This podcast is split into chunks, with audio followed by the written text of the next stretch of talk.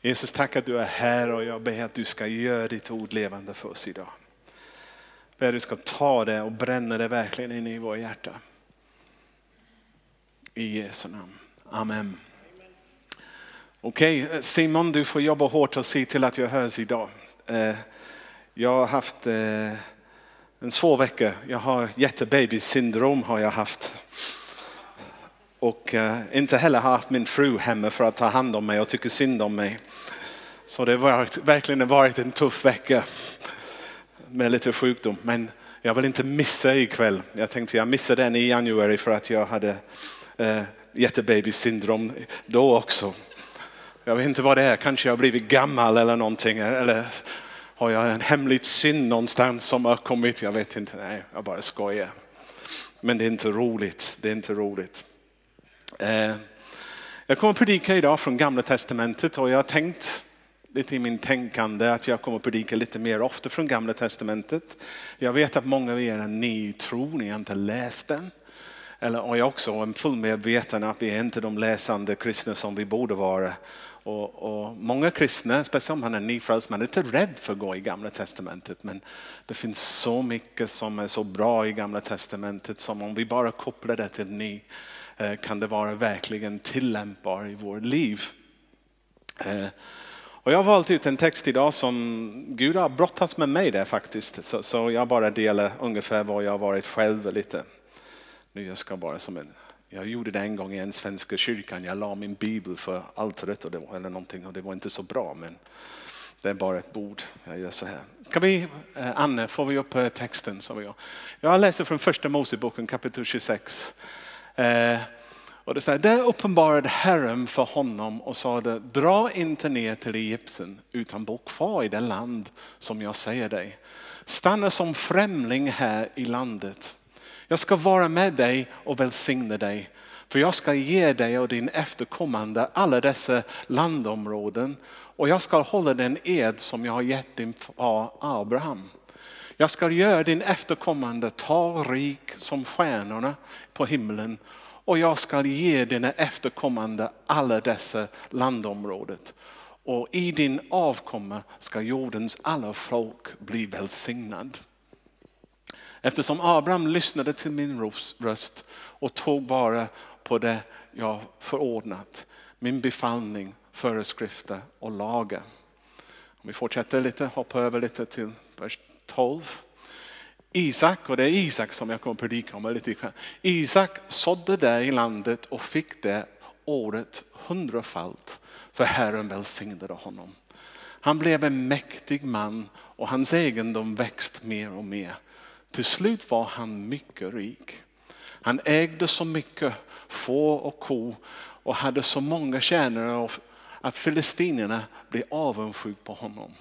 Alla brunnar som hans fars kännare hade grävt medan hans far Abraham levde fyllde filistinerna igen med jord. Abimelech sade till Isak, flytta bort från oss. Du har blivit alldeles för mäktig för oss. Då flyttade Isak därifrån och slog sig ner de vattenbrunnar som hade grävts på hans far Abrahams tid men fylls igen av filistinerna och Abraham, efter Abrahams död. Och han gav dem samma namn som hans far hade gett dem. Och när Isaks tjänare grävde i dalen fann de, de en källa med rinnande vatten. Herdarna från Gera började då tvista med Isaks herde och sade Vattnet är vårt. Därför gav han brunnen namnet Essek eftersom de hade grällat med honom. Därefter grävde Isak tjänare en annan brunn, men de började tvista om det också, den också. Då gav han den namnet Sittna. Sedan bröt han upp därifrån och grävde ännu en brunn. De tvistade då inte om det. Därför gav han det namnet Rehobot och sade, nu har Herren gett oss utrymme så att vi kan växa här i landet. Därifrån drog Isak upp till Beersheba. Den natten uppenbarade sig Herren för honom och sade, jag är din far Abrahams Gud, var inte rädd, jag är med dig. Och jag ska välsigna dig och göra din avkomma talrik för min tjänare Abrahams skull. Då byggde han ett altare där och åkallade Herrens namn och slog upp sin tält och Isaks tjänare grävde den, där en brunn.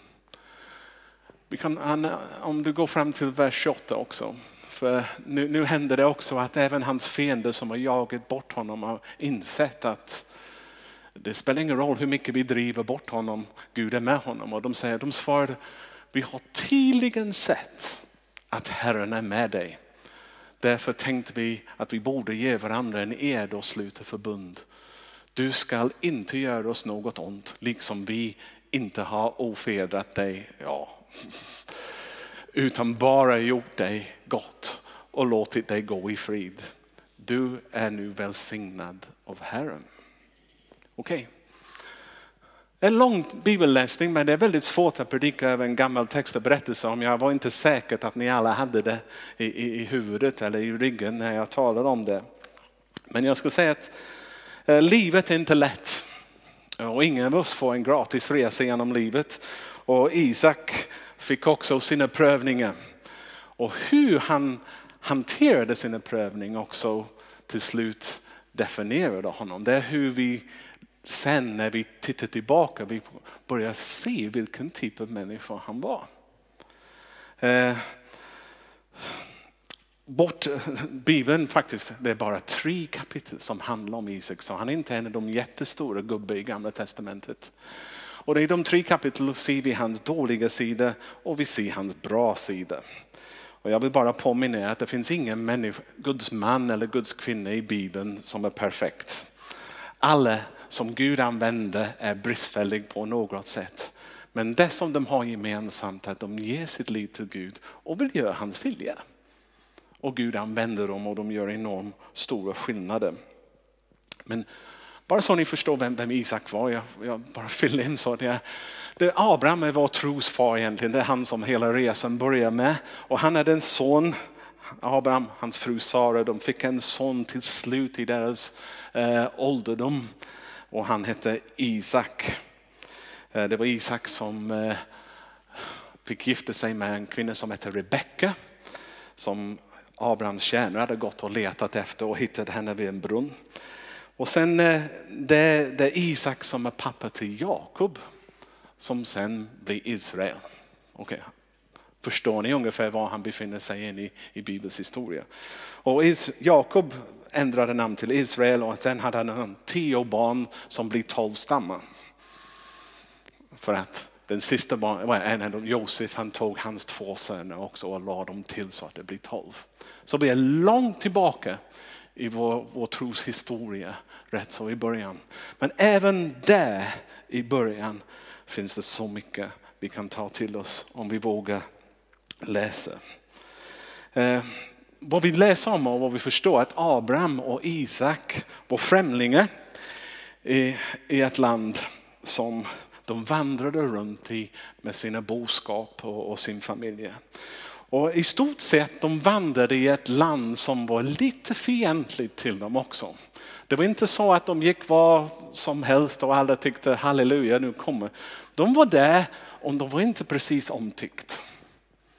Hotat och det krävde enormt mycket vishet från Abraham och Isaks sida att hantera livet så att det blir inte mer jobb än vad det kunde vara.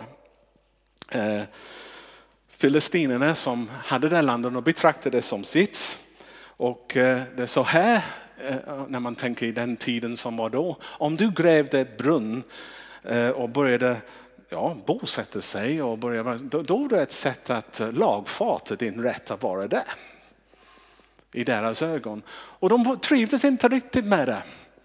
Eh, Speciellt när Abraham och Isak, var som kaniner när det gäller förökning. De bara stannade någonstans de fick massor med barn, deras boskap bara växte och sånt sådär. De snart blev en riktigt hot, ska man säga. Till de som inte kände sig så trygg att ha en sånt välsignad grupp med sig.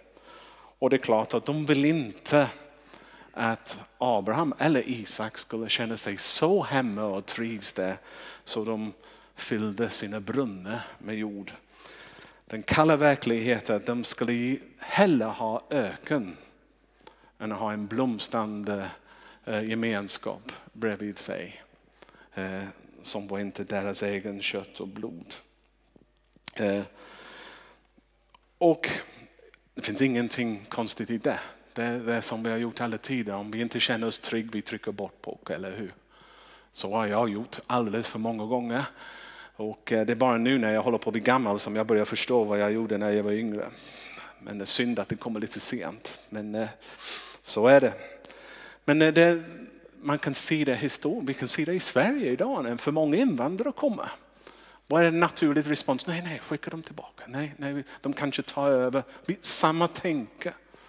Samma tanke ägde rum då som det hände i oss. Men det som vi ser i Isak som jag tycker är så starkt och så underbart är att han vägrade stanna där det fanns konflikt. Eh, han behövde mycket vatten för hans, alla hans djur och all, hans stora familj. Eh, och han visste att om hans familj skulle växa upp trygg och må bra, det är inte bra att växa upp i en konflikt. Det är lite grann som jag, jag tycker synd när jag tittar på nyheter och jag tänker på palestinierna och sånt, hur de skapar konflikter hela tiden och sånt. Jag tänker stackars barn som växer upp där. Vi skickar några raket till. Eller det, det hjälper ingen. Vem vill bo där? Och Isak han vill inte leva, eller han brydde sig för mycket om sin familj för att de skulle faktiskt växa upp i ett område som inte var stabil eller en miljö som inte var stabil. Och han inte heller vill riskera någons död i onödan.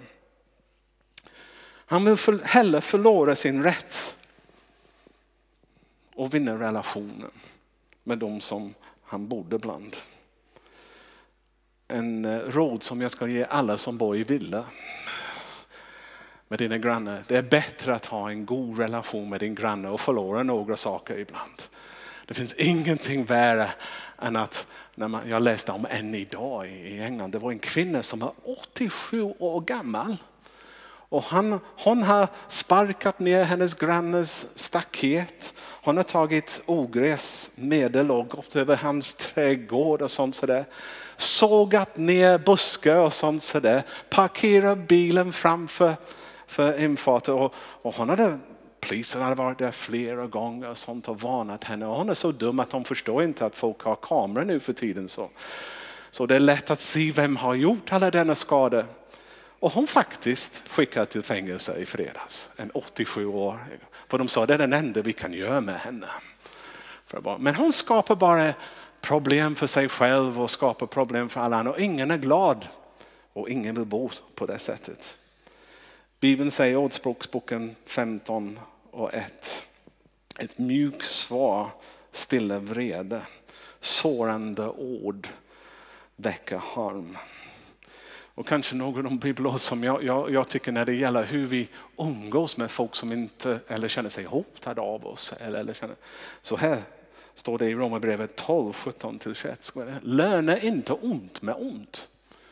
Tänk på det som är gott i alla människors ögon. Håll fred med alla människor så långt det är möjligt och bero på er. Hämnas inte mina älskade, utan ge rum för Guds vrede. Det står ju skrivet, min är hämnden, jag ska utkräva den, säger Herren. Men om din fiende är hungrig, så ge honom att äta. Om han är törstig, ge honom att dricka. Gör du det samlar du glödande koll på hans huvud. Låt dig inte besegras av den onda, utan besegra den onde med den gode. Och det var Isak försökte praktisera. Han visste att han var orätt behandlad. Han visste att den var avundsjuk. Han visste att, att detta var inte absolut rätt. Men han tänkte, nej jag strider inte. Jag backar istället.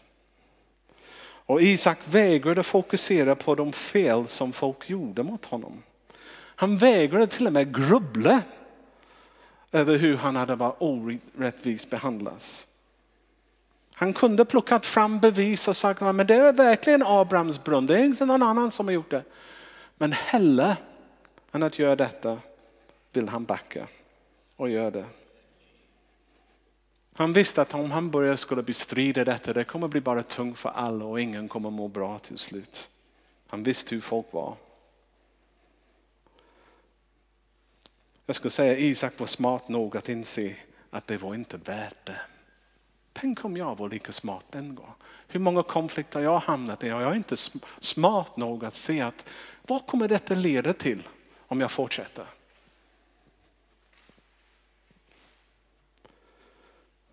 Bara för att någon backar betyder inte att de är svag. Ibland är det bara de starka som kan backa. Och det kräver mer att backa än att hålla rätt ibland. Jesus sa, ta på er mitt ok och lär av mig. För jag är mild och ödmjuk i hjärtat. Då ska ni finna ro för er själ. Isak värdesatt själens ro före, före hans rätt. Och Gud belönade honom med ro också till slut. Han fick det. Någon ställde frågan, hur, hur, är, hur, hur ser en mild hjärta ut? Ja, en mild hjärta Eh, ge ger mjuka svar till hårda frågor. Eh, ungefär hur jag skulle sammanfatta det. Du vet om du möter någon med ett mjukt hjärta, för även om de får jobbiga anklagelser, laddade frågor, de, de väljer att svara mjuk. Och inte göra det värre än vad det redan är. Så det går. Isak också, han var smart nog att förstå att framgång skapar fiende. Tänk om vi skulle göra det. Men varför alla, hatar alla USA? För de är den största just nu. Om någon annat land var större då alla skulle hata dem också. Så är det i världens ögon.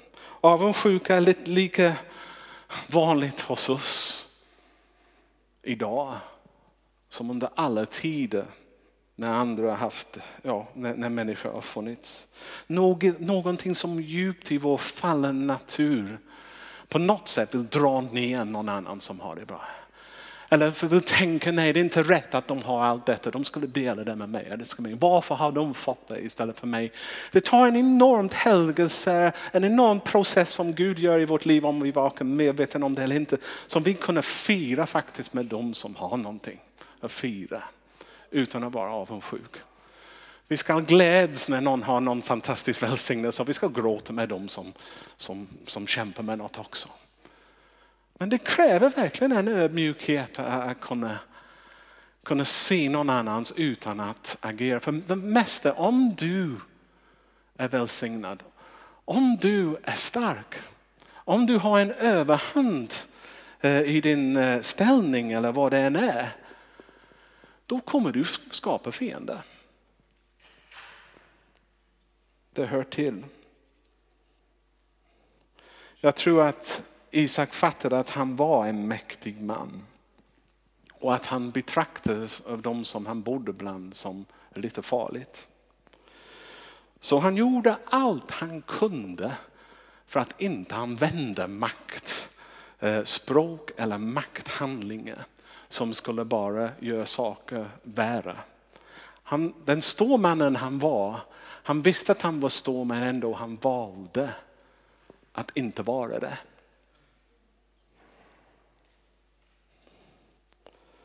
Isak var fridens man, inte stridens man.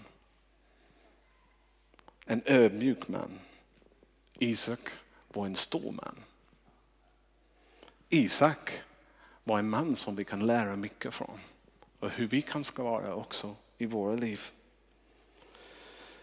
Isak hade en hemlig vapen. Det kallas för Guds välsignelse. Om du har Guds välsignelse, du behöver inte frukta så mycket annat. Eh, för det spelar ingen roll var Isak hamnade, han hittade levande vatten.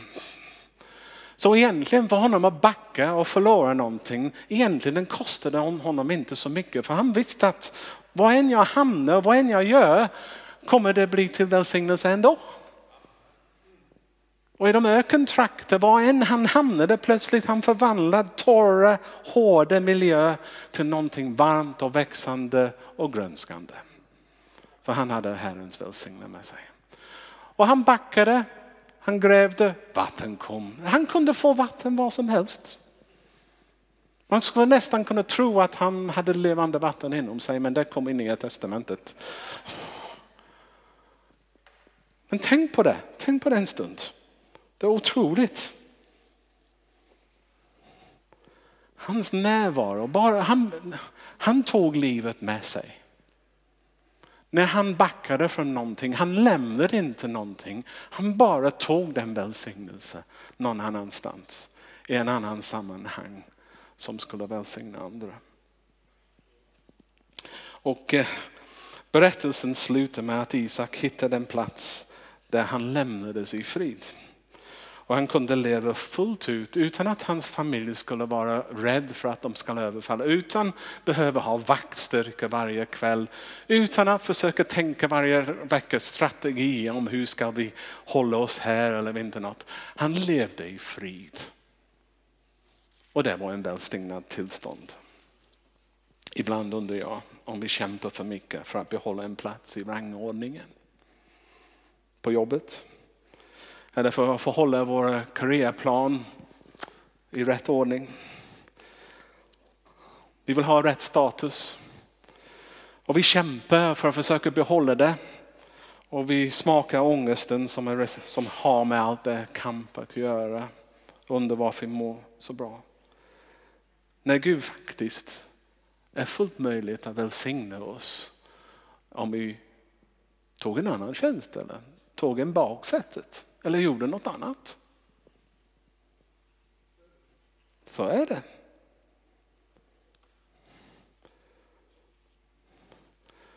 Jag har skrivit så här, någonting bra så jag vill läsa det. Gud faktiskt kan välsigna oss var som helst vi befinner oss.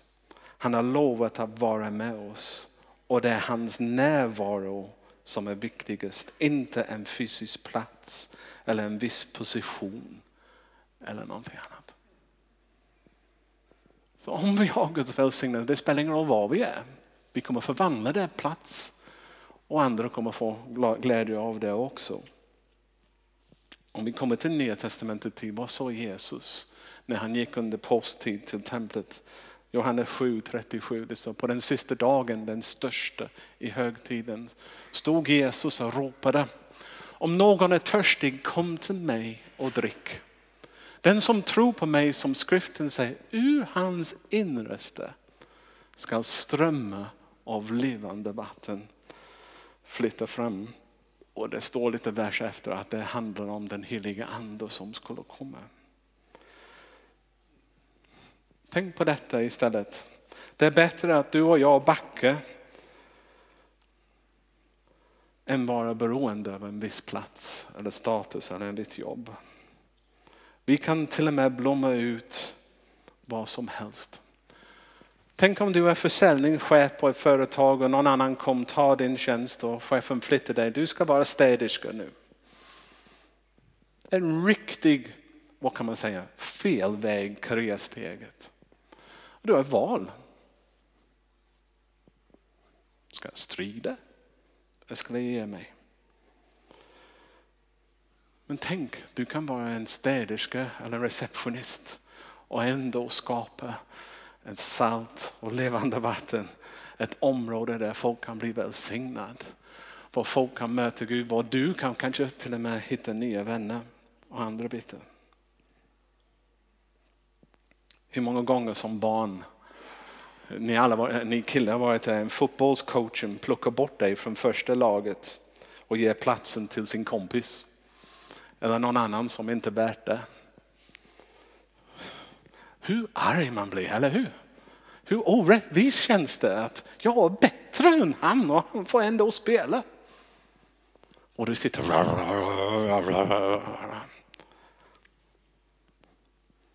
Istället för att tänka, jag ska förvandla bilaget till det roligaste laget att vara mig.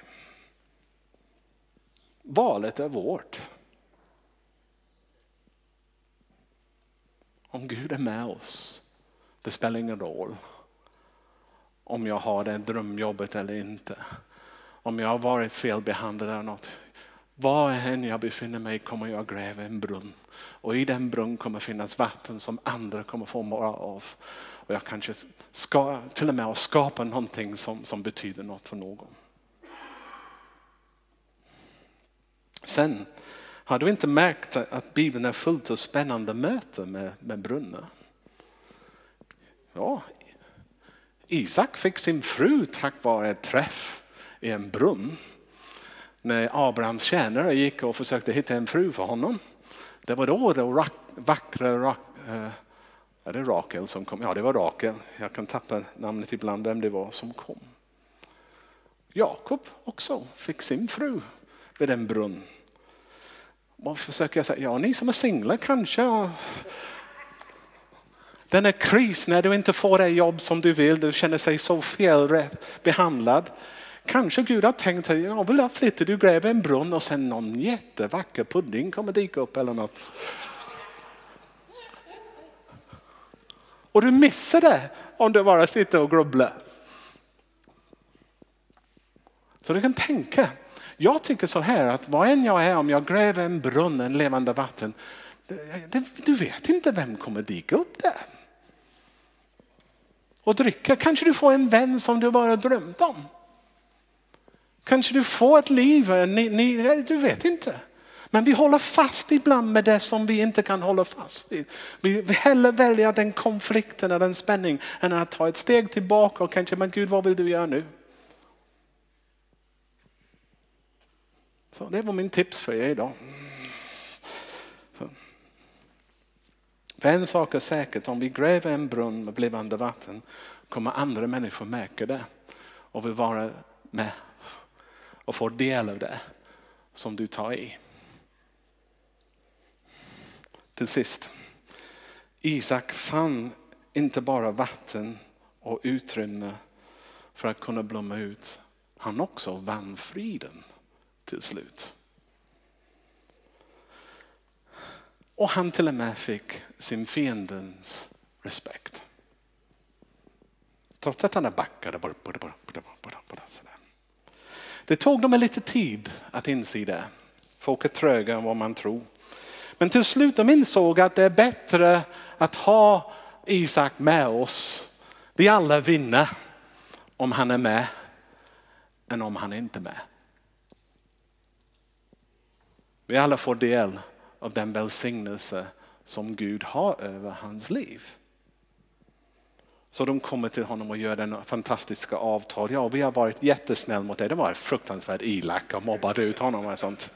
Men jag har inte skadat dig eller gjort något annat. Det har verkligen varit illa. Och han säger, låt oss slå en ed och säga att vi ska leva i fri med varandra sånt till dig. För vi är, vi, vi är jättegoda kompisar.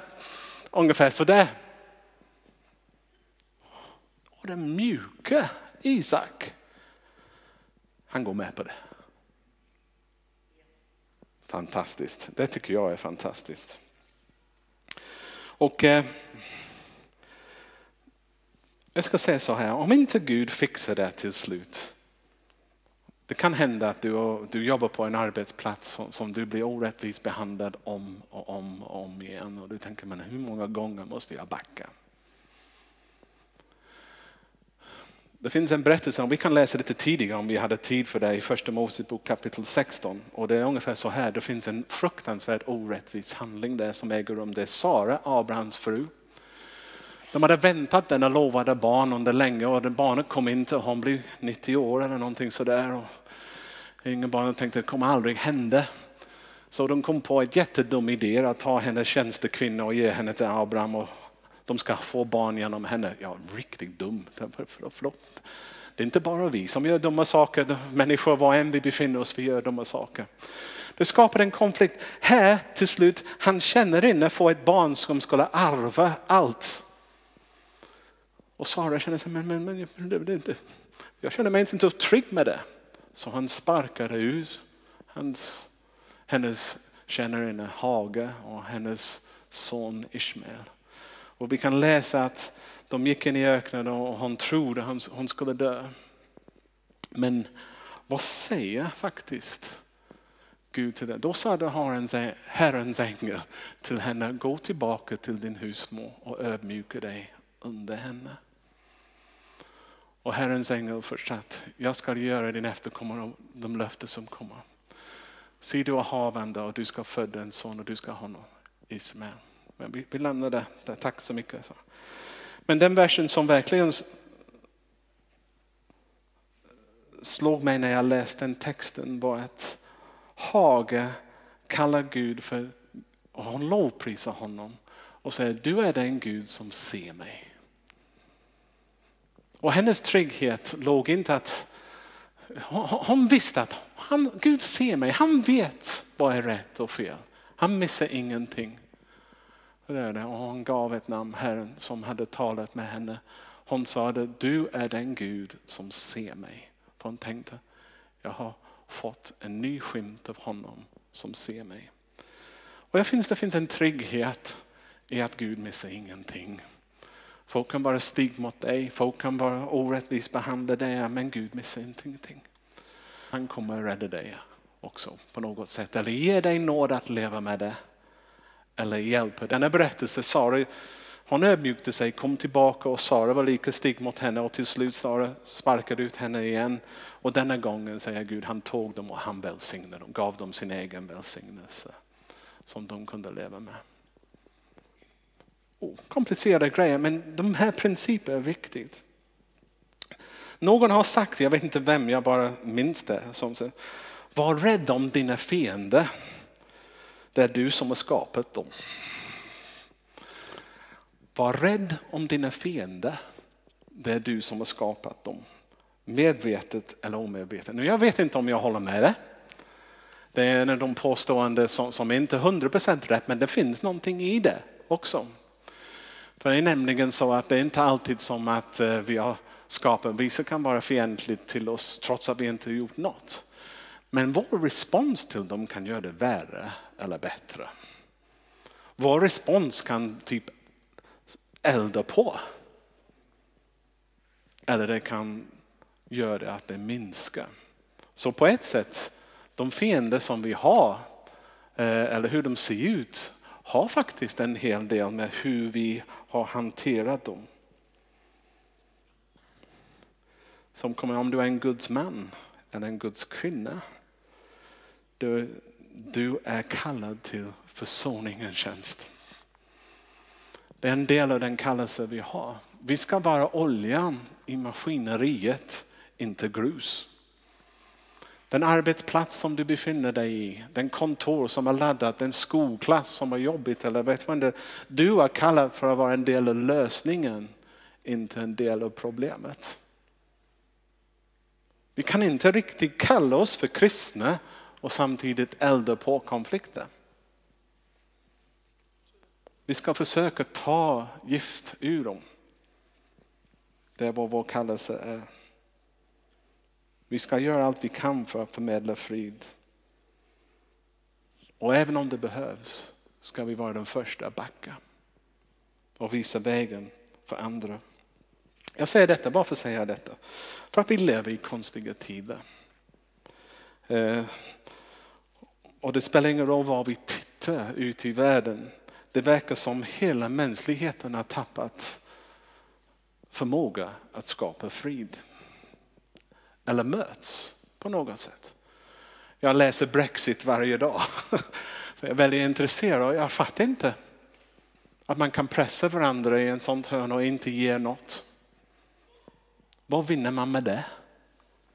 Om det fortsätter som det gör nu, EU kommer gå i eh, kanske back och England kommer knäckas också. Men ingen vill backa. Om man tänker på USA, man kan tänka på Trump och kongress. Samma sak. USA och Ryssland. USA och Kina. Vår egen regering i Sverige. Det finns inte ett dugg intresse för att möta någon annan som man inte håller med om. Hamnkonflikten i Göteborg. Vad är det som händer? För världen blir en farligare plats det mer vi håller oss i den riktning. Jag är chockerad att läsa också mer och mer hur universitet eller högskolestudenter vägrar gå på föreläsningar om det ges av en människa som de tycker inte har rätt politiskt korrekt åsikter. Man vill plocka ner alla statyer och folk som man vill inte lyssna. Jag, jag, jag har en liten tanke också. Jag tror mycket handlar om vår social media. Vi har växt upp nu och det är alldeles för lätt att klicka bort. Jag gillar inte det. Vi lever i en tid när vi tror att, att vi kan bara på något sätt, vi har vår vän, och vi behöver inte lyssna till en annan åsikt heller. Vi kan välja förut när man växte och tittade på tv, du tittade på nyheter på den kanal som fanns, det är allt du hade. Men nu man kan faktiskt styra upp ditt liv så det kan vara väldigt små områden som du lyssnar till. Nu är vi in på andra som du säger, vad har det med evangeliet att göra? Det har ganska mycket med det att göra. För den Facebook world är inte den riktiga världen. Den riktiga världen andas bredvid dig. Eller sitter på bordet mitt emot dig. Eller delar samma kontor som du jobbar på. Och det är den som vi måste lära oss att hantera.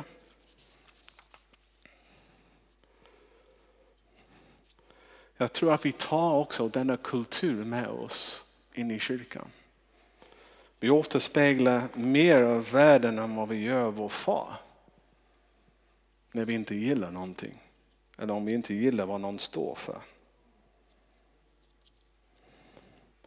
Jag var med på en märklig sak häromkvällen.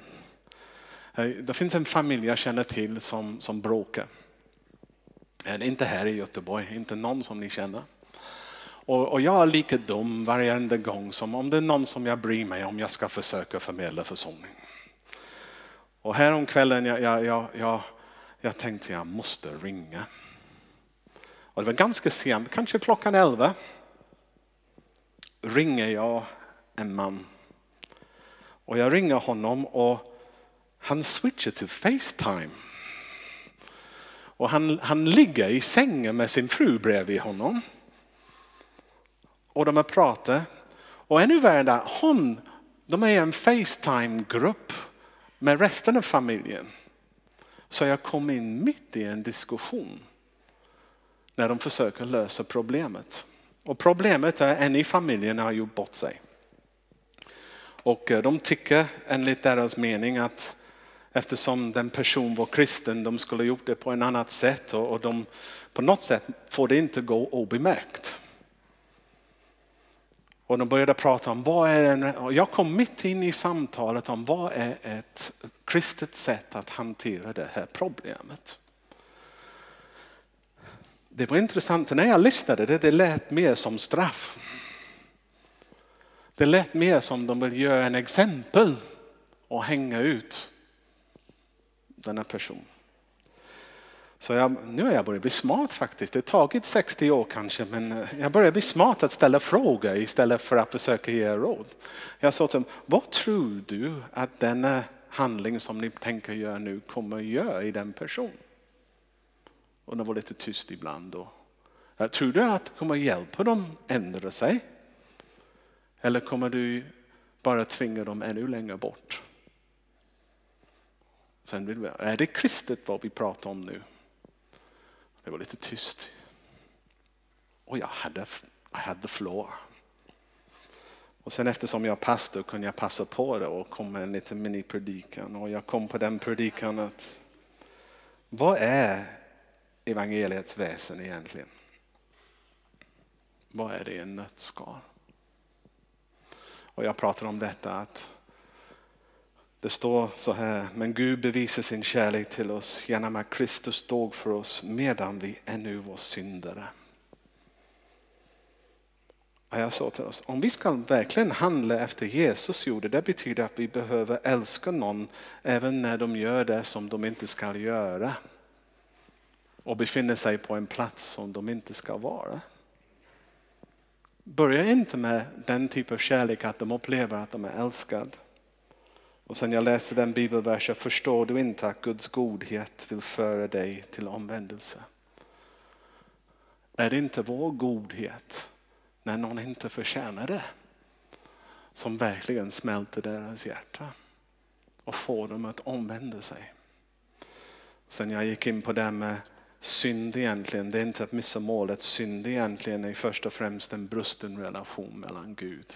Det speglar att vi har brustna relationer oss emellan. Och varje gång vi bryter eller gör sönder en relation, vi är inte i Guds handling. Och jag fick säga det till dem och jag fick min lilla predikan där. Tänk, vilka, jag, jag, faktiskt, telefonsamtal pågick till kanske halv ett. Och visst, jag kände som det var Guds, eftersom de alla var kopplade. Jag fick allihop ihop ändå. Och sen följande morgon droppa in e-mail och text. Tack för din insats igår. Du räddade vår familj. Eller din, din, din sätt att se på det verkligen eh, var en väckarklocka för oss.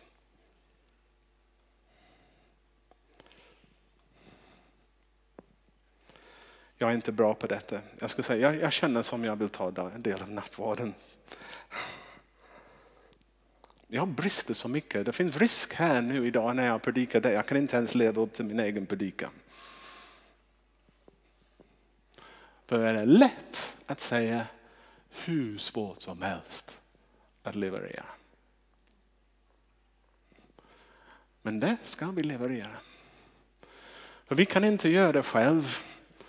Men vi, när vi firar nattvarden också är ett sätt att säga jag behöver förlåtelse Jesus. Eller hur?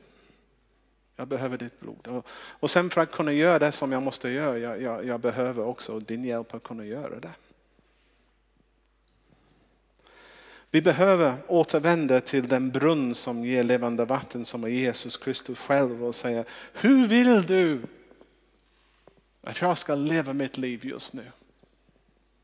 Med de utmaningar som jag befinner mig i. Jag vill vara din ambassadör. Jag vill vara din man. Eller jag vill vara din kvinna. Som kommer med olja. Som kommer med lösningar. Som delar med sig av den välsignelse som jag har fått. Och inte bara bidrar till mer trubbel. Världen behöver det. Det behöver se praktiskt exempel av det också. Och vi finns som församling också för att ge sådana exempel. På den första världen, jag läste så att hela världen, kan du läsa den första texten som jag, jag bara, Anna, sen slutar jag. Det står, där står det där, och i din avkomma skall jordens alla folk bli välsignade. Tanken även med vår existens, vår existens berättigande är inte att vi ska ha det bra och trygga och älska Gud och ha fantasi. Vår existens berättigande är att vi ska dela det med oss till alla som vi kom i kontakt med. Ja, Amen.